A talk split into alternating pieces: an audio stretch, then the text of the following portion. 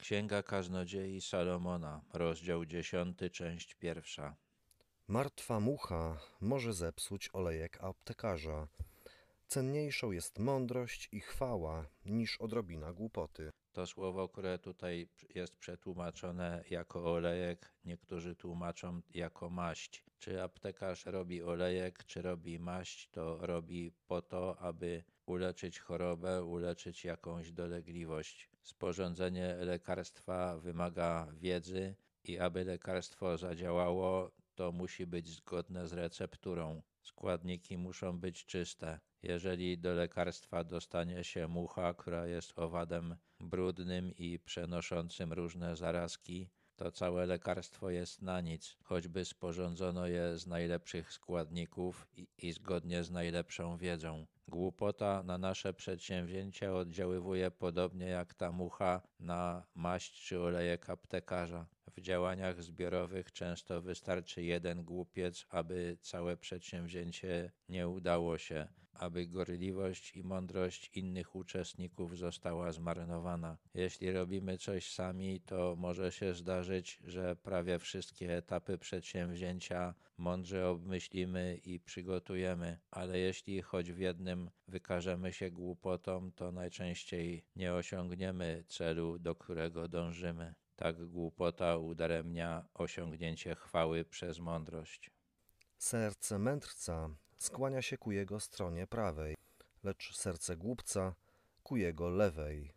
Po którejkolwiek drodze idzie głupi, widać, że brakuje mu rozumu i w ten sposób mówi do wszystkich, że jest głupcem. Zazwyczaj ludzie prawą ręką posługują się lepiej niż lewą. Podobnie też zwykle człowiek mądry ujawnia swoją mądrość we wszystkim, do czego się weźmie, a głupiec też ujawnia swoją głupotę przy każdym swoim działaniu. Jego czyny mówią o nim głośniej niż jego słowa.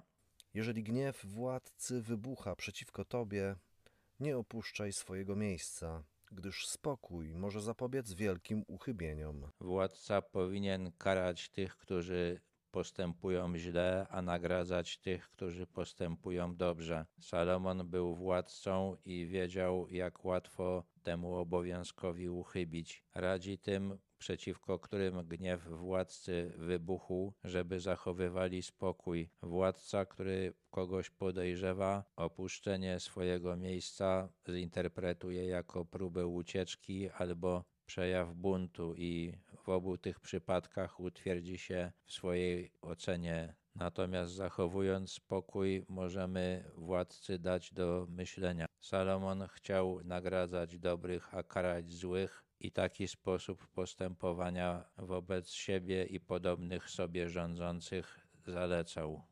Istnieje pewne zło, które widziałem pod słońcem, a jest nim pewien rodzaj pomyłki, która wychodzi od zwierzchności, że głupców stawia się na wysokich stanowiskach, a zasobni w mądrość siedzą nisko. Rządzący może ukarać niewinnego, a winnego nagrodzić. Może też mianować na wysokie stanowisko kogoś, kto nie zasługuje na to, kto sobie na tym stanowisku nie poradzi i może nie zauważyć, że ktoś, kto ma niską pozycję czy niskie stanowisko, powinien być postawiony znacznie wyżej i naród by na tym zyskał.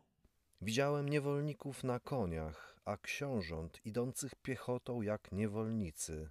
Tutaj Salomon opisuje skutki tych pomyłek władców w nominacjach. Niektórzy ludzie są książętami, choć powinni być niewolnikami. Są też niewolnicy, którzy zasługują na to, aby postawić ich na miejscu książąt.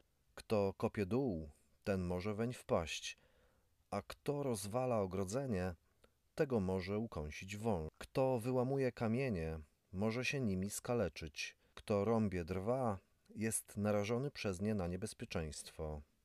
Czasami trzeba wykopać dół, ale gdy dół jest wykopany, trzeba uważać, żeby w niego nie wpaść. Czasami trzeba rozwalić ogrodzenie, ale trzeba mieć świadomość, że w ten sposób likwiduje się osłonę przed jadowitymi wężami i innymi zagrożeniami. Jeżeli wyłamujemy kamienie, to odłamki będą nas ranić, a przynajmniej sprawiać ból. Jeżeli rąbiemy drzewo, to nie jesteśmy w stanie przewidzieć, jak będą leciały drzazgi. Cokolwiek robimy, nie jesteśmy w stanie przewidzieć wszystkich następstw i wszystkich zagrożeń, jakie nasze działania powodują. Mimo to musimy je podejmować. Ta myśl Salomona łączy się chyba z poprzednią. Gdy rządzący wyznacza kogoś na jakieś stanowisko, nie jest w stanie przewidzieć wszystkich następstw swojej decyzji, ale kogoś wyznaczyć musi, tak jak inni muszą kopać doły, rozwalać mury, kruszyć kamienie czy rąbać drzewo.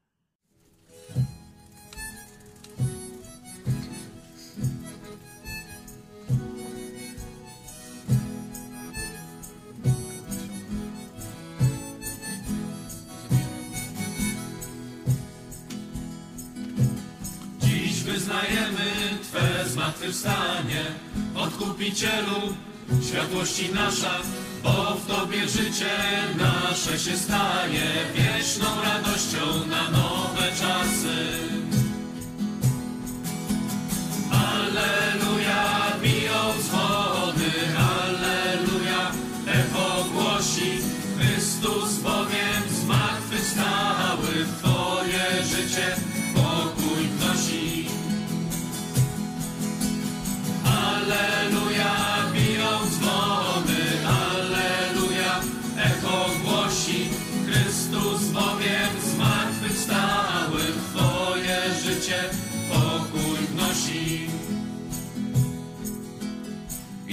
oczekując, aż przyjdziesz chwale, z wiarą, miłością, mocnik nadziei.